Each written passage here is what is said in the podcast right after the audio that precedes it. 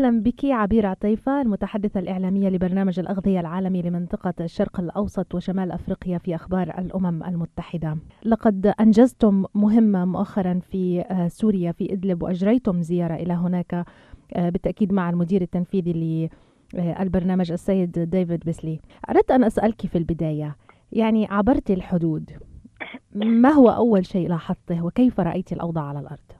أهلا بك وبمستمعينك بالفعل عبرنا الحدود منذ يومين إلى آه، داخل سوريا مع المدير التنفيذي لبرنامج الأغذية العالمي السيد ديفيد بيزلي بالإضافة أيضا إلى المدير التنفيذي لمنظمة آه، اليونيسف. الزيارة بدأت في محافظة حما وانتقلنا منها إلى إدلب وكنا على بعد حوالي 30 كيلو من خطوط المواجهة وذهبنا إلى آه، قرية سنجار هذه القرية عاد الكثير من سكانها قريبا آه، للسكن في بيوتهم. طبعا الأوضاع صعبة ما زالت المنازل مهدمة كثير منهم كانوا نازحين لفترة طويلة.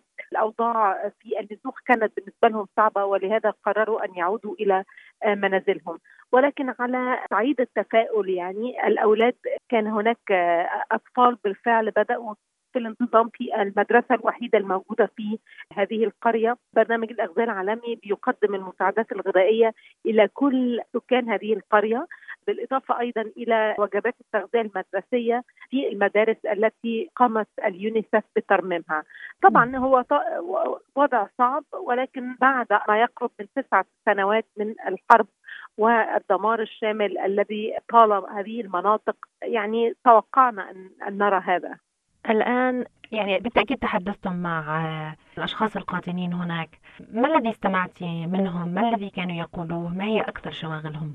تحدثنا مع كثير من السكان آه، في المناطق التي زرناها وكان آه، أكبر مشاكلهم آه، هي طبعا عدم وجود الكهرباء والماء بالإضافة أيضا إلى صعوبة الحصول على طرق لكسب العيش لأن هذه المناطق طبعا مهدمة ذهبت منها أعمال الزراعة تقريبا تقريبا يعني هي مدمرة. بالإضافة إلى هذا طبعا هناك حالة من الخوف لأن خطوط المواجهة على بعد فقط 30 كيلو متر فقط من هذه المنطقة. حتى ونحن نتحدث إليهم كنا نسمع أصوات الانفجارات قريبة منهم.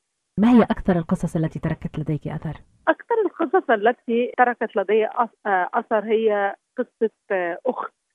قابلناها هي لديها ثلاثة أخوات معاقين. نزحت بهم وذهبت بهم إلى كثير من المناطق بحثا عن الأمان ولكن اضطرت أن تعود إلى بيت الأسرة بهؤلاء الإخوة. طبعا هي تواجه مشاكل صعبة في تقديم المساعدات الإنسانية أو يعني الحاجات البسيطة التي يحتاجونها من الغذاء إلى الدواء. طبعا هي متحملة مسؤوليتهم آه، تحمل كامل. يعني أثرت فيا لأنها يعني برغم الظروف هي امرأة قوية تحملت مسؤولية كبيرة بعد وفاة والديها. أعتقد أن هذا عمل بطولي وبالتالي يعني أثرت فيا جدا وشعرت بدور المرأة السورية. عبير أيضا يعني برنامج الأغذية العالمي هو يعني الوكالة التي تقدم أكبر عدد من المساعدات الآن في سوريا. لكن هل يتم توزيع الأغذية وتتعاملون مع ذلك باختلاف أوضاع الأسر يعني كما ذكرت الآن آه، هذه الأسرة ولكن أيضا هناك أسر لديها أطفال هناك أسر لديها أشخاص بأمراض مزمنة مثل السكري والضغط هل يتم مراعاة ذلك؟ آه، برنامج الأغذية العالمي بيقدم المساعدات الغذائية والدعم إلى آه، ما يزيد على الأربعة ونصف ملايين سوري في داخل سوريا.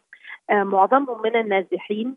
طبعا كل هذه الأسر يجب أن يكون هناك في معايير معينة حتى تحصل الأسرة على المواد الغذائية. أهمها الاحتياج سواء كان هذا بسبب النزوح بسبب أمراض معينة بسبب وجود أطفال. فالبرنامج يقدم مساعدات إلى أكثر من مليون شخص في محافظة إدلب. طبعا يتم مراعاة كل هذه الحالات حتى نتأكد إن الأكثر احتياجا هو من يحصل على هذه المساعدات. تراعون الحالات وتتأكدون من تلبية احتياجات الناس، لكن ما هي احتياجاتكم أنتم كبرنامج الاغذيه العالمي؟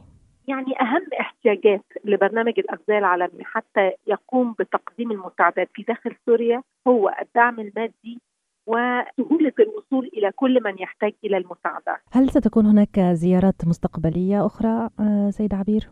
أكيد المدير التنفيذي لبرنامج الأغذية العالمي السيد ديفيد بيجلي بيهتم جدا بشؤون الشرق الأوسط وبالأزمة السورية على سبيل الخصوص وبالتالي أتوقع أن يكون هناك زيارات مستقبلية وهذه الزيارة هي الزيارة الرابعة له في سوريا منذ أن تولى مهامه من منذ أقل من أربع سنوات.